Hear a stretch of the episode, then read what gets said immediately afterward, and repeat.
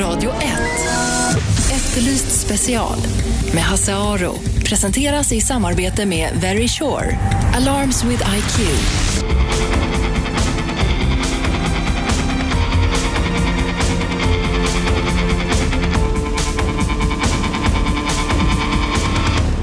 Välkomna hit, Efterlyst speciallyssnande på Hasaro heter jag. Idag blir det spännande.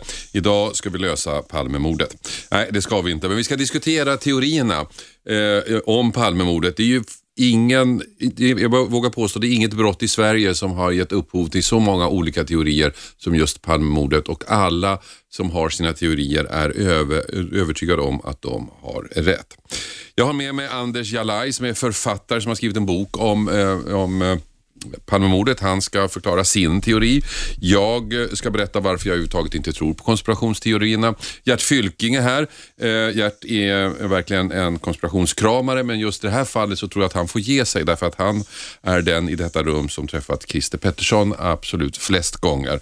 Och Gert har också sagt i något sammanhang, har jag läst, att Christer till honom har erkänt mordet och då faller ju den konspirationen. Men jag tänkte vi skulle börja med fakta i Palmemordet. Vi skulle börja med det som vi alla är överens om vad som hände och det intressanta är att när man skriver ner det då blir det ungefär en halv A4.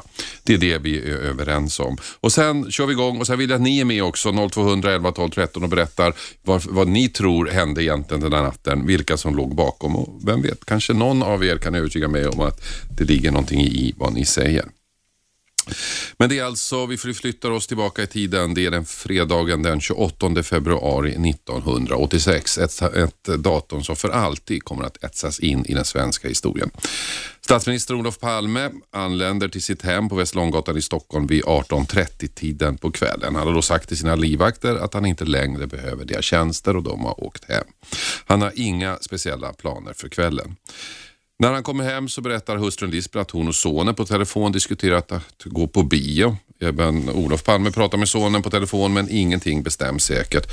Vid 20-tiden bestämmer sig till slut makarna Palme att följa med och titta på filmen. De promenerar till Gamla stans tunnelbanestation, tar tåget till Rådmansgatan, går därifrån till biografen Grand i hörnet Sveavägen Kungshänsgatan där de möter sonen med fästmö. Klockan är strax före 21.00. Filmen börjar 21.15. Efter filmen står makarna Palme, sonen och fästmön kvar utanför bion och pratar en stund. Vid 23.15 skiljs det åt. Olof och Lisbeth Palme beslutar sig för att promenera hem. Jag ska lägga till här att här finns, när det gäller eh, biografen så finns det, ett, finns det flera vittnen som pekar ut en mystisk man som vankar fram och tillbaka där som kallas för Grandmannen. Men Olof och Lisbeth Palme börjar promenera vid 23.15. Det här är också ett beslut som de fattar där och då i princip att de ska gå hem. De går längs Sveavägens västra sida. När de passerat korvkiosken strax före Adolf Fredriks kyrkogata så korsar de Sveavägen för att titta in i affären Dekorimas skyltfönster och även det här beslutet är en stundens ingivelse.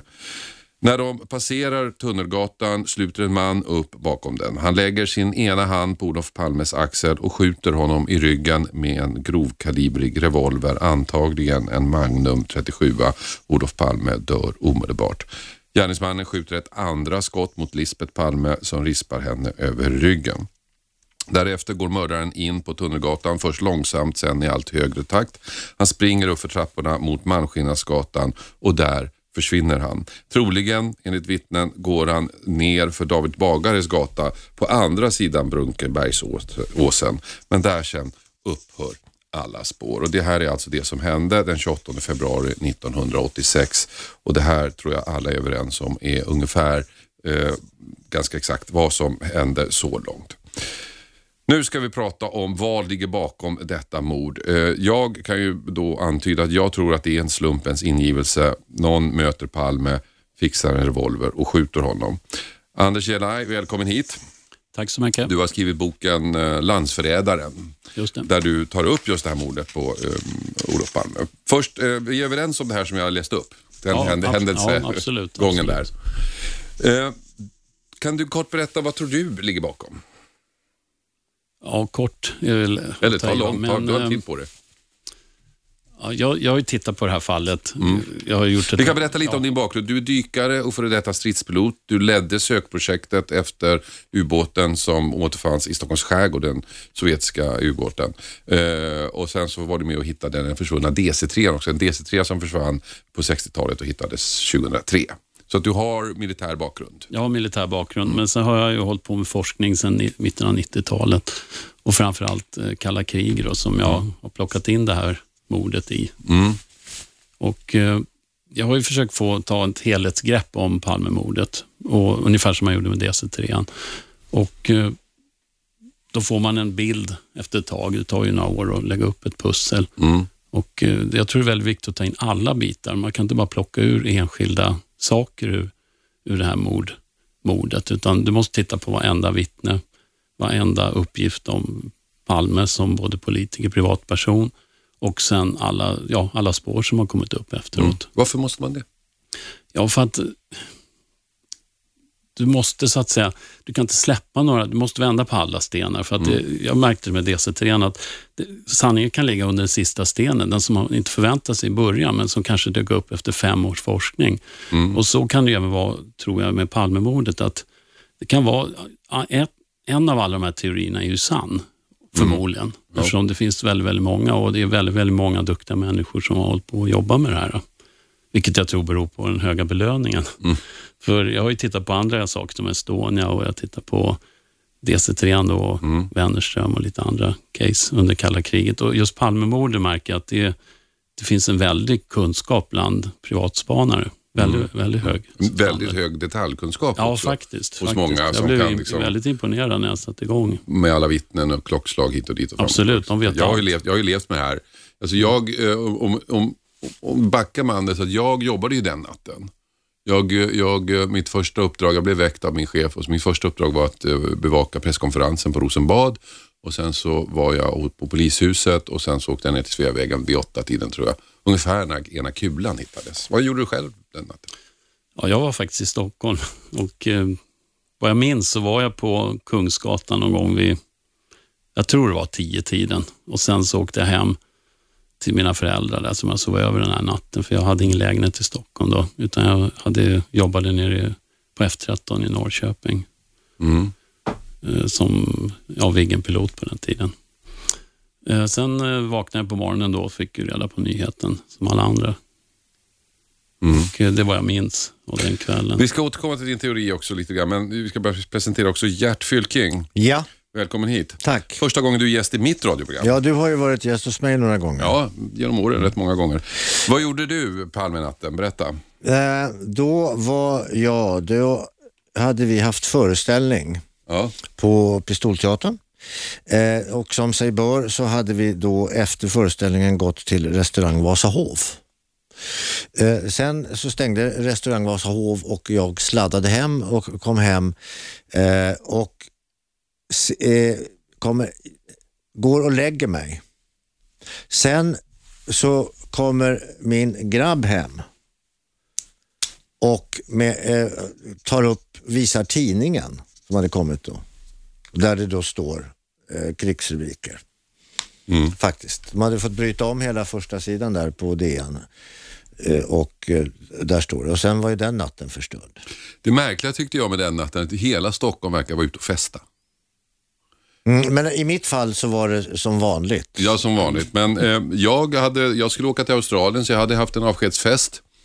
Eh, min chef hade då varit på Anna Linds 30-årsfest där stora delar av socialiten var. Så de var inte heller nyktra och jag vet inte vad polisen hade gjort men det var väldigt mycket festande på poliser. Stockholms polismästare eh, låg, eh, vad jag förstår, på ett hotellrum och festade lite privat på väg upp till Sälen den natten. Eh, så det var Ja, han låg på ett annat hotellrum och festade framförallt. Mm, men jag menar, det var ett väldigt festande den natten, vilket jag tror kan förklara, det, det i kombination med, med chocken förklarar varför folk var så jävla sura på morgonen i Rosenbad till exempel. Jo, men det kan ju också förklara alla dess spekulationer som faktiskt har kommit i svang. Jag, jag blev väckt, min, min chef ringde mig, jag somnade då eh, lindrigt nykter och så vaknade jag några timmar av telefonen ringer och då är det min chef som jag vet har varit på 30-årsfest och säger det har hänt något fruktansvärt, Olof Palme är mördad. Och, så, och jag blir bara trött, sluta Pelle, jag orkar inte, jag sover. Och så lägger jag på luren Men så gnager det någonting där bak. Det var någonting han sa som gjorde att jag märkte, kände att det här är inte rätt. Han sa Olof Palme. Man sa alltid bara Palme. Ja, Palme gjorde det, Palme tycker det, Palme hit och Palme dit. Men nu sa han Olof Palme. Då kände jag att det där är inte bra. Så ringde jag tillbaka och då sa jag, att det är sant. Och då gick han ner. Och så började vi jobba. Det var, det var ju väldigt mycket folk ute, Ja. det minns jag. jag Men det var ju le- typ lönehelg också. Alltså det, Ja. ju, det var ju första helgen efter lön. Det var den 28, Ja, den fredag 25. vid- mellan 10 och 11. Ja. Det är ju mycket folk normalt som går just Kungsgatan i alla fall. Precis, och just den helgen också då i Ja. slut, när folk har fått lön. Så att det var ett väldigt partande.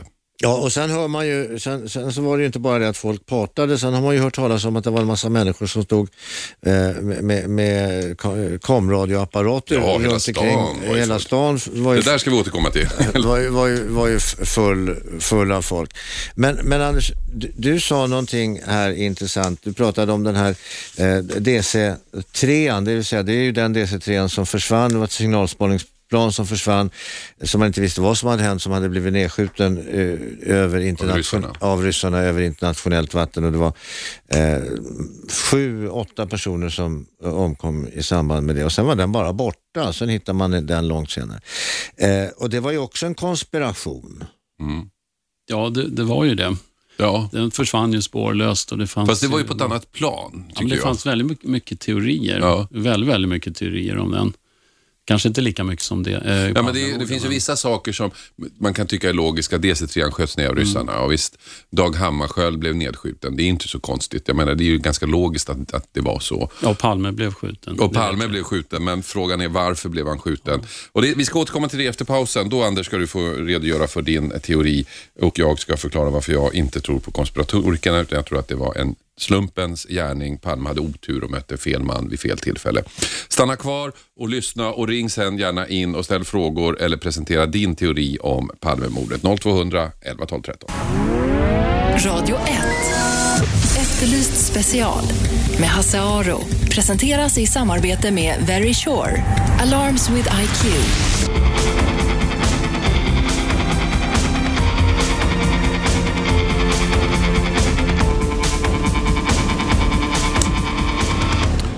Välkomna tillbaka till Efterlyst special. Vi diskuterar alltså Palmemordet och det gör vi apropå ingenting alls utan vi fick bara en idé att vi skulle göra det. Och grundförutsättningen är eh, frågan, är det, var det en konspiration eller var det slump? Jag är då en slumpmänniska. Jag tror att detta var en hel slump. Palme gick ut den kvällen, mötte någon eh, som kunde ordna ett vapen och som av någon anledning var arg på Palme. Det var många som var och sköt honom. Det tror jag var vad som hände. Eh, Anders Jalaj är före detta dykare och stridspilot men dessutom författare. Han skriver boken Landsförrädare. Anders tror inte på slumpen. Kan du berätta lite kort då, vad tror du hände den här natten? Den här kvällen? Eh, ja, vi går direkt på sak här. Ja, vi så- börjar där. Vi börjar på Sveavägen som poliserna Så, säger. eh, ja, ja, det jag kom fram till i min så att Mm. säga, analys, jag, hade suttit, jag, hade, jag har ju vägt även Christer Pettersson Mm. exempelvis som, som möjlig gärningsman. Och, eh, men jag kom fram till att det troligaste var att det var flera inblandade. Och det i kombination med hur utredningen sedan sköttes och så att säga alla tecken på en mörkläggning som jag såg. Mm. Så dels de två kombina den kombinationen gör att den här gruppen, som jag tror att det var, det var ju självklart en skytt, men det var flera som samarbetade tror jag. Men, ja, men om, vi, om vi struntar i, i mörkläggningen så länge och vi struntar Mm. i motiv, vi tar bort de där grejerna för det, det tenderar att skymma själva handlingen okej. tycker jag. Utan bara den natten, hur gick det till enligt dig? Ja, det är som jag skriver i boken ungefär. Ja, ja, just det. Men, det, är en, det är en grupp på, jag tror att det är kanske cirka fem personer. Det, det, och det här finns ju dokumenterat i, så att säga, i litteraturen och att eh, just sådana här mord har ju skett och det, då är det ju så att säga eh, underrättelsetjänster eller så att säga grupperingar som är nära kopplade till underrättelsetjänsten som gör sådana här operationer. Mm. Och eh, då, då så att säga har de ett slags myndighetsstöd, säger man. Man så att säga kanske clearar platsen, ser till så att det inte finns allt för mycket eh, bevakning över platsen. Man gör en slags vad heter, det, research och tittar eh, vad kommer så att säga offret göra de närmaste veckorna? Vad kommer han göra just en speciell kväll? Och vad, så att man gör en slags noggrann, väldigt noggrann planering. Och det här börjar ju normalt, ja, kanske år, kanske ett år Ja, men innan. bara för att komma framåt i diskussionen. Håll det till den här dagen. Vad hände Den här då? dagen. Ja, den här kvällen. Så vidgar vi begreppet Ja, sen. vi men- kan göra det. Ja. Eh, Jag tror att det var en liten grupp på högst fem personer som så att säga iscensatte det här helt enkelt Mm. genom att eh, då följa eh, offret Mor- Olof Palme eh, kanske hela den här dagen innan. Mm. Och sen iscensatte de mordet på ett lämpligt ställe som kanske till och med var planerat i förväg. Mm. Men, men om, eh. Vänta, du ska få mikrofon. Eh, Då, då tänker sig vän av ordning. Eh, Hasse läste ju inledningsvis upp här så att säga fakta. Eh, och fakta i det här sammanhanget var att eh, Olof kommer hem, han sa hej då Men, men, men, Ja, men vänt, jag- vi men- väntar med det här. Jag vill bara höra klart teorin här så tar vi invändningarna sen. Jaha, okej. vi kör klart. Alltså, för Nej, det, det jag menar, att ett Ja. myndighetsstöd, då, kan, då kan man exempelvis ha använt sig av avlyssning. mm, Av, det kan vara buggning exempelvis. Det använde man ju på den tiden. Just, det var ju Jo, ganska vanligt på men, men 80-talet. hur gick det till i det här fallet? Ja, man följer så att säga offret. De stod utanför Ja, hans de hus vet. De, och föll, när han kommer ut då på kvällen. ja, så följer de upp fram till biografen. Ja, Och sen så blir det ett avbrott där. ja. Och sen så när eh, offret kommer ut från biografen så Mm. hör man eventuellt, eller man följer helt enkelt efter på håll och ser att de går. Mm. Men då måste, han ju, då måste man ju, den som har stått utanför portutgången måste ju ha då kontakt, han har ju inte vapnet med sig, utan det måste finnas en skytt som man på något sätt, Ja, det kan finnas in i sig. flera skyttar. Det kan ju Ja. vara så att alla fem hade vapen. okej, även han som stod utanför. Ja, det, det, det vet vi ju inte, va? men jag tror att det, det kan ju varit flera skyttar. Vad fan, varför skulle inte han ha vapen på sig? Vad är det för trams? Nej, jag, jag frågar. Jag, jag, jag ifrågasätter ingenting. Nu frågar jag bara för att jag vill få en bild av vad, vad som hände där, den, alltså rent praktiskt vad som hände där. Så att du menar att det står en kille utanför hans port, följer Palme när han ser att han går på bio, Ja, det, kan vara, det kan ju vara flera. Va? Ja, Som, som, men de, de står utanför hans port, de följer efter honom. följer alltså. efter honom. Och, och eh, sen så väntar de utom, utanför vid biografen och sen så går de, eh, eh, följer de efter honom och sen när, de, när han kommer till den hörnan där så skjuter de för att det är en bra ställe att skjuta på. ja, det, kan ju varit, det skulle eventuellt kunna bli en annan plats, Ja. men där blev det ju så att säga. Det, eh, vad tror du om den här teorin Gert? Nej, jag tror inte på den, eh, på konspirationen på så sätt, på Nej. det viset. Eh, därför att, ja, du, du säger, visst de kan ha en avlyssning, det kan vara så att, att det, det är den här gruppen och den här gruppen kan ha, ha ytterligare medhjälpare som, som man har buggat eh, hans telefon och så vidare. Man har klart för sig att han kommer att gå iväg utan livvakter, man har klart för sig att han kommer att gå iväg till, på bio med fru och, och, och barn. Det är ett utmärkt tillfälle, man vet att han är, är utan livvakter. Naturligtvis är det jävligt bra. Men för att man ska, för att man ska så att säga från säkerhetstjänsten eller en nära eh, gruppering in till säkerhetstjänsten utföra ett sånt här grej, då, då, måste ju, då måste det ju finnas ett motiv som är otroligt starkt alltså. För att det finns ju andra, andra sätt att, i en de- demokrati att bli av med en person som man inte riktigt gillar. Det, det, det kan man ju... Fast det här tror jag Gert, du, nu gör du det klassiska misstaget när det gäller Palmemord och andra. Att man lämnar det faktiska händelseförloppet och säger det måste finnas ett motiv. Nej, det måste det inte. Alltså- Nej, men jag alltså det- ifrågasätter... Ja, men jag- jag, förstår att, jag tror att vad man måste göra, man måste hålla sig, som polisen säger, på Sveavägen. Jo, men vänta För sen nu. om motivet, Hasse. om motivet är jättestort så spelar det ingen roll om du inte får ihop scenariot. Ja, men du frågar ju mig vad tycker du om det här Ja. som... Ja. Och då säger jag att du menar ju att det är en komplott, att det är en konspiration, att det är en massa folk i omlopp här. Och de, de kom ju inte ur, ur ingenting helt plötsligt, utan det måste ju ligga ett stort, långt arbete, du säger det kan ligga år bakom. Och då, måste man, då finns det ju ett motiv. Självklart, självklart. Ja, och det Vad, tror du, motivet- vad tror du om motivet annars? Det finns alltså när det gäller Palme så var han ju en väldigt kontroversiell person så det går ju att plocka motiv hur mycket som helst. Men vad tror du? Många har ju försökt hitta ett politiskt motiv och det, Mm. det finns det ju självklart. Jag menar hans motståndare, borgarna, hade väl massa motiv. Om de nu... Om vi Och internationellt också. Ja, det fanns ju, internationellt. han var ju medlare i konflikter. Absolut, Det, fanns ju, absolut. det fanns en vapenaffär som var infekterad med Indien och, och alla möjliga saker. Men, fanns, men de motiven tror inte jag heller på. Ja, För det, det är som du säger, att det, det är inte tillräckligt starkt egentligen, att man inte gillar en viss pol- politiker. Eh, utan mitt motiv det är ju det här landsförrädarspåret. Att, Mm. att det fanns alltså grupper, eller ganska många, jag har till och med pratat med flera, som ansåg att eh, Olof Palme var en risk för Mm. svensk säkerhet helt enkelt. Att han samarbetar för tätt med, Mm. med i det här fallet då, Warszawapakten. Men så finns det andra som hävdar att han samarbetat för tätt med eh, Amerika. Ja, han, han gjorde ju det när han var ung, det vet vi ju. Ja. Att han hade kopplingar till CIA. Vad, vad jag tror är svårt när jag pratar med människor som är yngre än mig om det här, vad, vad, vad som är svårt att förmedla tycker jag, det är det Palmehat som fanns på den tiden. Och som jag tycker är svårt att förklara. Men det fanns ett, ett otroligt Palmehat. Det fanns människor som verkligen in i ryggmärgen hatade honom.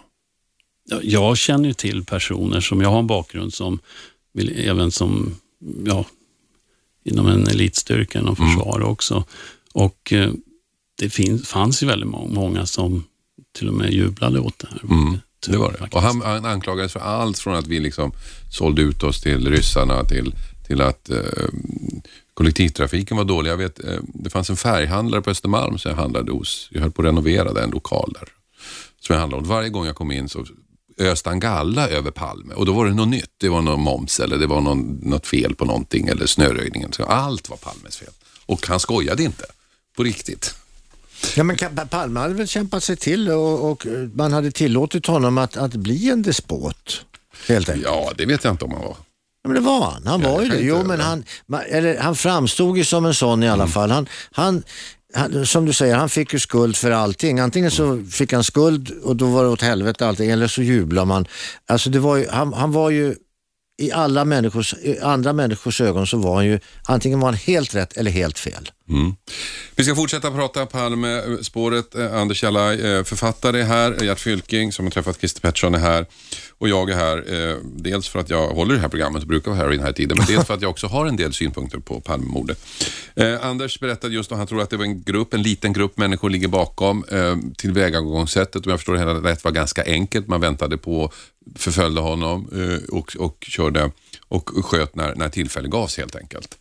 Eh, jag eh, ställer mig tveksam till den teorin och efter pausen ska jag förklara varför jag inte tror på några av de här konspirationsteorierna faktiskt. Så stanna kvar. Åsikter. Radio 1.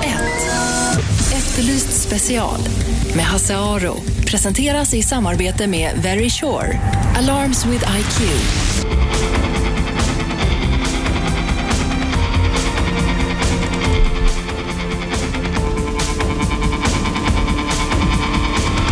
Välkomna tillbaka till Efterlyst special. Vi pratar om Palmemordet. Var det en konspiration eller var det en slump? Med mig i studion finns Anders Jalaj, författare som har skrivit en bok som heter Landsförrädaren som handlar om Palmemordet eh, och eh, där det eh, utgår ifrån att det var en konspiration. Med mig finns också Gert Fylking eh, som faktiskt träffat den enda som är dömd för Palmemordet eh, men sen friad, Christer Pettersson.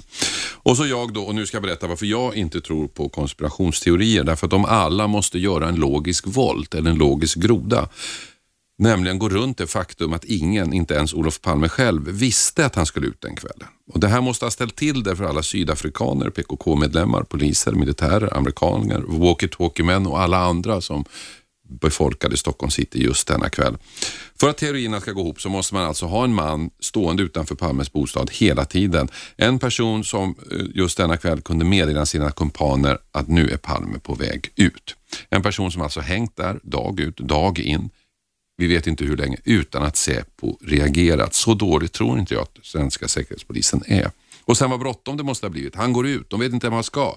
Han kanske ska eh, gå till Söder, han kanske ska bara gå ner och köpa cigaretter. Nu ska han på bio åt det hållet. Vilken tur, då får de två timmars eh, planering. Men det visste de inte. Hur visste de att han inte skulle ha livvakt med sig?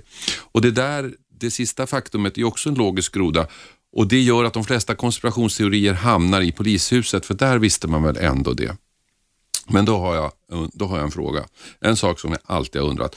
Om nu den stora konspirationen mot Olof Palme hade tillgång till all den här informationen, om de nu är så professionella så att de klarar sig i 25 år, varför krånglar de till alltihop? Varför följer de honom på en oviss promenad genom centrala Stockholm när de inte kan planera mordplats eller flyktväg eller någonting?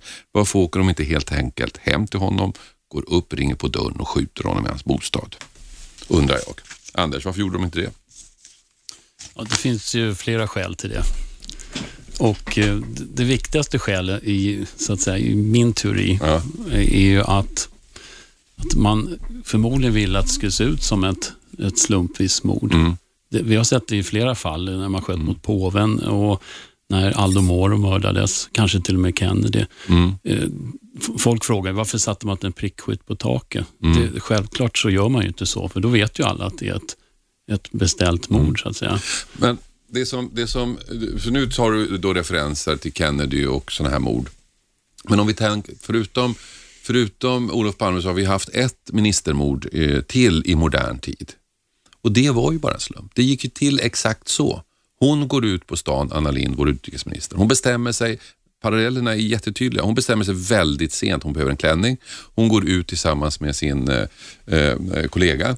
De går ner, de planerar planlöst genom stan. Ingen vet vilken väg de ska gå. De går genom gallerian, de går, så småningom hamnar de på NK. Där står en förvirrad ung man som till skillnad från den som eh, mördade Palme, tror jag, han var beväpnad, han hade en kniv på sig. Han ser, jag tror att han känner igen henne. Så, så, så tillvida tror jag inte att det är slumpat att ha vem som helst. Han känner igen henne, han är förbannad på henne och så attackerar han henne. Det är ju bara en ren slump. Och vad är det som säger att Palmemordet inte är precis exakt likadant? Ja, om man tittar på Anna Lindh-mordet så är ju utredningen som följde på Mm. det, den var ju helt korrekt. Den var ju väldigt bra gjord. Ja, men det var ju inte den efter Palmemordet. Det är en milsvid skillnad. Men kan inte det bara bero på att de var klantiga? Ja, men tänk dig själv om Anna Lind, om, om till exempel länspolismästaren skulle sätta sig i utredning av Anna Mm. Lind. Det, det hade ju sett helt konstigt ut, eller hur? Men då, men då menar du, då skulle han ha varit med på detta då? då? Han kanske, de kanske satte dit, bad honom ta hand om Mm. utredningen. Men då, det, den det växer, det blir rätt många människor inblandade Ja, det, kan, det kan vara många inblandade, som jag sa. Mm. Själva gruppen är ju en liten opera, operationsgrupp, som man säger. Men, men sen har du ju de, som jag sa, myndighetsstöd från lite olika håll. Bry- Brynolf Wendt sa en väldigt klok sak en gång till mig. Att eh, tre kriminella kan behålla en hemlighet under förutsättning att två av dem är döda. Och det är väl där någonstans konspirationer också faller. Det till slut blir det så många så någon borde ju säga något. Ja, men det är ju folk som har pratat också. Mm. Eh, till mig har de ju berättat, men jag, kan ju, jag vet ju inte om det är sant. så att säga. Nej. Men det, jag, det här med hela min utredning började ju med ett tips från en kille på underrättelsetjänsten. Vi ska säga det till er som lyssnar. Det här är Radio 1. Ni lyssnar på Efterlyst special. Vi pratar om Palmemordet, konspiration eller slump. Och det jag nu gör, det var min åsikt. Varför jag inte tror att det är en konspiration. Ingen av oss vet ju. Ingen av oss var där.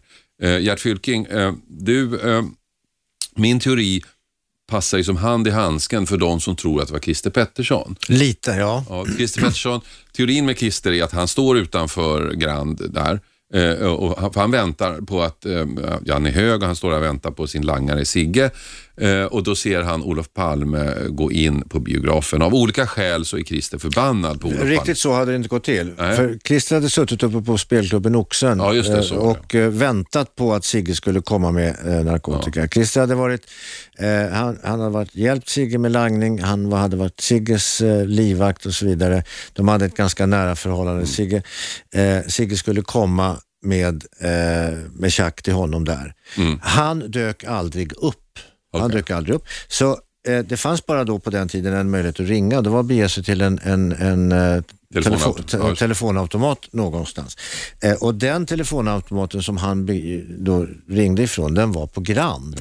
Därav denna skumma figur. Han är där, han ser Palme går in, Ande klickar till, nu är han här, jag ska ta den jäveln. Han går upp till Sigge jag berättar väldigt summariskt här nu men för att vi ska hinna med. Han går upp till Sigge Cedergren som man vet har en sån här en stor pistol hemma. Hämtar den, går och ställer sig, väntar på tillfälle, Palme kommer ut, följer efter Palme, sen när Palme och går över gatan och så ser är en hörna där, en trappa upp där, här är bra, jag skjuter och så sticker han. Den teorin är eh, den är ju eh, väldigt tragiskt att vår statsminister eh, faller offer för en knarkare, en kille som bara råkade vara där. Eh, Och det är kanske därför jag är så svårt att ta in den. Men vad tror du? du Det har finns två skäl till det här, eller två teorier kring det här, eller två, två, två spår då man Mm. kan, kan gå. Den ena är ju att han rent av tror att det är Sigge Cedergren Ja, det där tror jag. Det, det, det, det där lanseras en TV4-journalist och av alla, alla konspirationer jag har hört så är det där den dummaste. Ja, men det är den ena. Den, and, den, andra, den andra är ju den att, att hans gam, Christers, alltså eh, gamla kompanjon från, från eh, vad heter han nu? Eh, Mr X. Ja, just det. Bombmannen. Ja, Bombmannen, den tror ja. jag på. Bombmannen, Lars Tingström. La, förlåt, Lars Tingström, just det. Han hade ju svurit eh, vid Gud och allt heligt som fanns att han skulle begå eh, svensk kriminalhistorias två absolut värsta brott. Det ena var att han skulle ta död på eh, statsministern och det andra var att han skulle ha ihjäl kungen. Mm. Eh, Sigge blev Sigge, eh, förlåt. Eh, Christer. eh, Hålla isär. hålla isär alla. Tingström. Tingström blev ju otroligt misshandlad. Tingström råkade ut för ett riktigt justitiemord. Ja. Han, han, eh, och, eh, på riktigt så blev han utsatt för ett justitiemord och detta skulle då ha, ha eh, fött en, ett hämndbegär hos honom. Han sitter i fängelse, där träffar han Christer Pettersson. Christer, när han sitter... när Ta han- sig an honom kan Ja, jag och säga. Christer när han är i fängelse är ganska fräsch, för han knarkar inte. Då är han fräsch och verbal som fan. Och. De där blir kompisar på något sätt och Christer blir livvakt till Tingström som bara är en liten spenslig typ.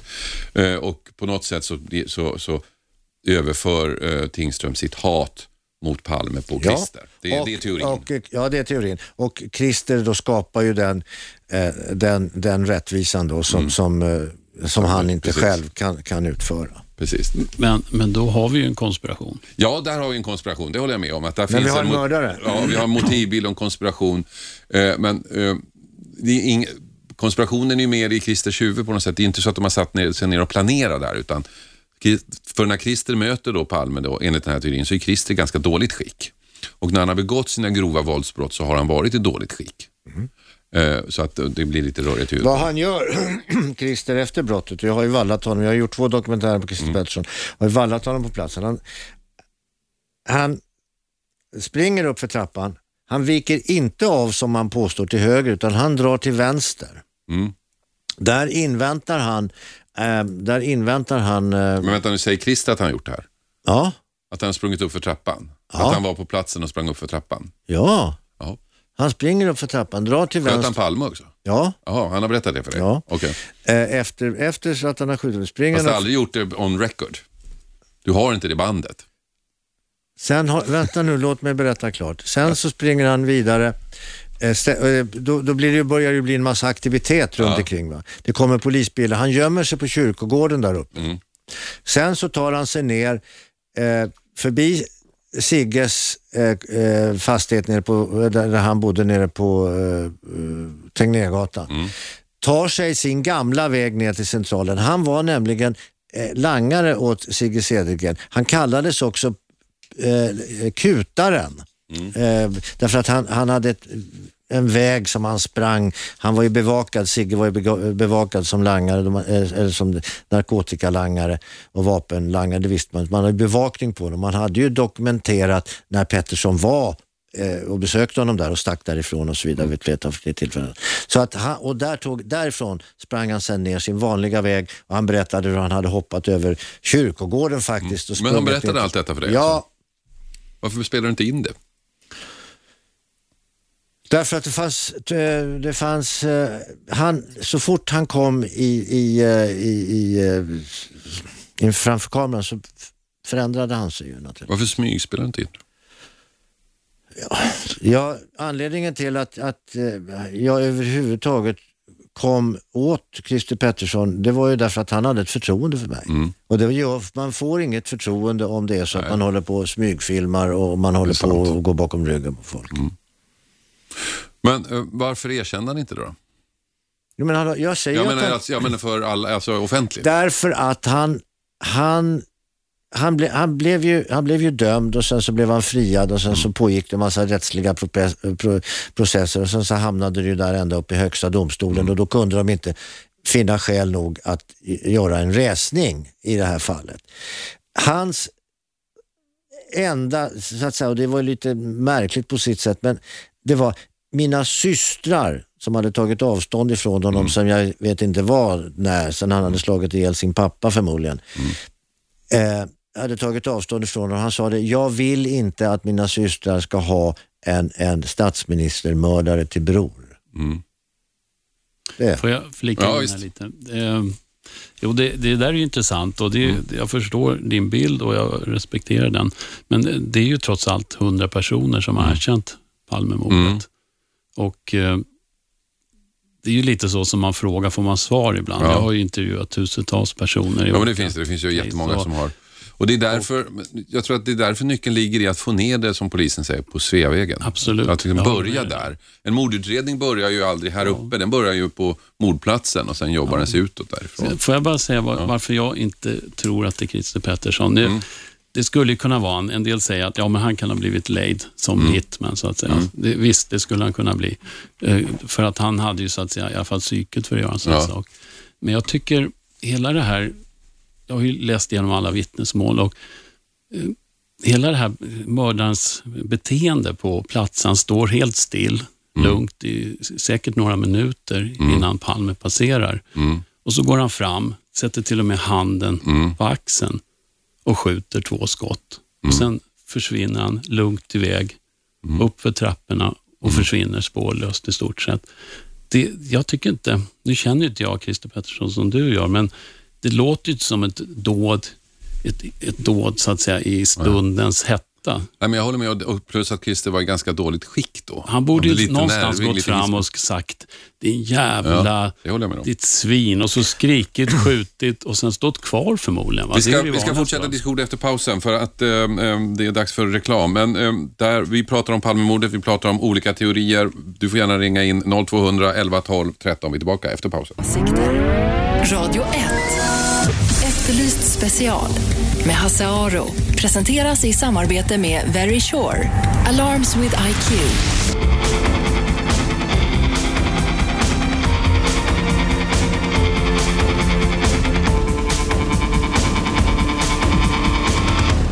Välkomna tillbaka till Efterlyst special. Idag pratar vi Palmemordet och detta apropå ingenting egentligen. För att vi tycker att det är intressant och det vi diskuterar, är det en slump, är det en konspiration? Jag är för slumpteorin. Med finns Anders Jalaj, författare, som har skrivit en bok som heter Landsförrädaren. Eh, som handlar om Palmemordet och Anders är övertygad om att det ligger en konspiration bakom. Med finns också Gert Fylking som har träffat den enda personen som faktiskt blir dömd men sedermera friad för Palmemordet, nämligen Christer Pettersson. Och ni får också ringa in 0200 11 12 13. Tom, hallå, du har ringt. Hallå, hallå. Vad tror du? Vad jag tror? Ja, vilka är det som bestämmer i världen grabbar? Vapentillverkarna. Ja, Jag är helt övertygad om att Palmemordet är en statskupp. alltså. Det var blåsväder på den där årtiondet med massor med svarta affärer både hit och dit. Och det är någon viktig faktor vi har glömt här grabbar. Nisse Algeron, vad hände med honom? Just det, han var alltså vapeninspektör och uh, utredde uh, Bofors affärer med Indien och han dog väldigt mystiskt måste man ju säga. Genom ja, att... han eh, ramlade framför tunnelbanan va? Precis, han blev överkörd av ett tunnelbanetåg i samband Ja. med att... Och sen var det, tror jag, nu kanske ni får rätta mig, men jag tror att samtidigt så har man faktiskt bevisat att det var någon slags inbrott på hans kontor. Ungefär samtidigt. Ja. Så det var skumt. Men hur får du ihop det med? Palmemordet? Statskupp. Och vilka... Men, med Kennedy-mordet, det var en statskupp det med. Okej. Ja. Så men då, det betyder att rätt många står bakom denna då? ja, jag är helt övertygad. Det är pengar som styr världen och de som gör mest pengar i världen, det är ju vapentillverkarna. Men på vilket sätt ändrades politiken efter, efter att Palme dog, tycker du? Ja, det har jag inte tänkt så mycket på, men jag är helt övertygad om att Palmemordet är en statskupp. Och Bofors ligger bakom. Ja, du, du, kan ha mycket, du kan ha väldigt rätt i, i, i en del av de där spekulationerna och när det gäller han Algernon där så, så, så gick han ju ner på T-centralen och skulle ta tåget och blev knuffad över rälsen när det tåget kom. Ja. Det är inte bevisat. Det är din teori, Gert. Nej, det är ingen teori, det är ett Jo, det vittne. Ja, det, det, var- det var ju mot, en del har sett att Ja, en del har sett en del, men det är inte klarlagt, så att säga. Ja. Nej, den jag har pratat med Ja. menar att Ja, han påstår att precis. han blev knuffad. Precis, men, men man kan ju säga att eh, tajmingen där var ju väldigt skum. Alltså den här Algernon och Boforsaffären var skumt. Ja, hela måste man- grejen är skum. Och varför skylla allting på en pundare för? Ja, av, av det skälet som jag just gick in på. Tom, eh, tackar för det. Vi ska höra, Kenta har en teori också. Hallå Kenta, Ja, hallå ja. vad tycker du? ja. Jag tror ju att det är någon organisation i Sverige som har med hjälp av polisen eh, polisen har också varit inblandad på något skumt Mm. sätt, har tagit livet av Palme. Men du, hur har man lyckats hålla det så hemligt?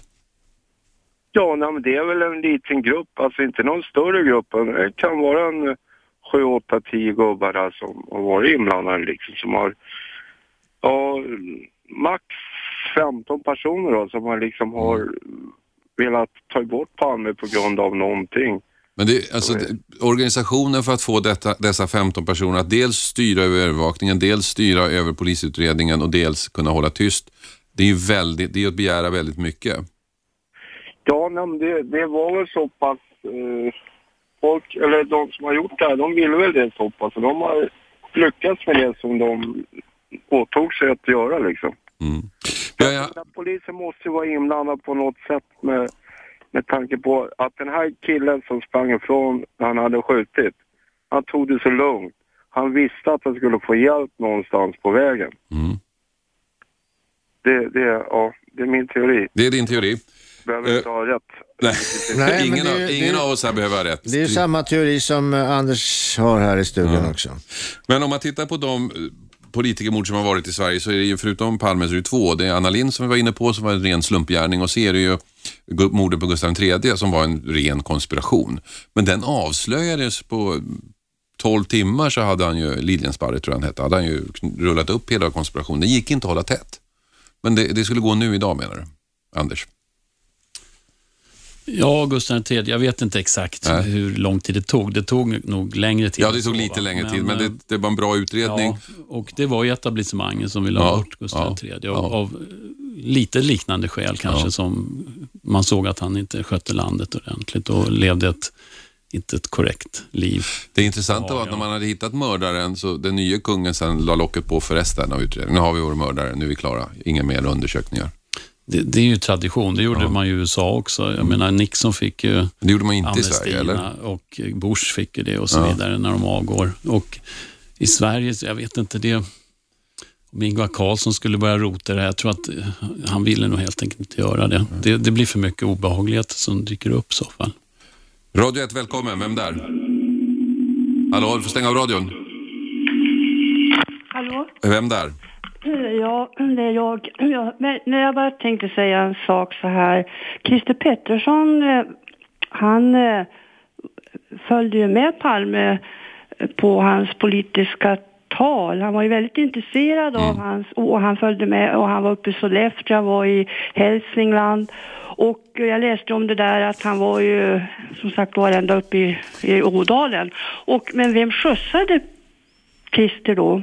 Ja. Hur kom han dit? Hur kom han dit? Det, det är en konspirationsteori. Jag säger inget mer. Det kan väl um, jag, jag säger Tingström inget kanske? Mer. Du säger inget? Det finns någon som har snabb bil som skjutsar honom. Han är snabb, men som på den tiden. Mm. Han hade väl, han hade, ja, jag, jag säger det är konspirationsteori. Får jag, får jag fråga, den, den person du syftar på, är han från Finland? Det vet jag inte. Jag bara tro, undrar vem det var som skjutsade honom. Ja, men du låter ju Nej. som du vet någonting men du vill inte riktigt berätta. Du har dina misstankar, eller hur? Ja, ja, ja, det är klart. Jag har ju bara undrat. Ja, men, men, men tror du att men den du misstänker, är, är, är han fin? Har han ett finskt namn? Nej, det... det... Jag bara säger det att han måste ha blivit skjutsad. ja, han måste ha blivit skjutsad. Ja. Tack ska du ha för att du ringde. Eh, jag är ledsen, men vår tid är slut. Eh, tack så mycket Anders för att du kom och pratade. Eh, ni som lyssnar, köp gärna boken Landsförrädaren. Den är spännande. Gert Fylking, tack för att du var med. 101,9 Radio 1 Sveriges nya pratradio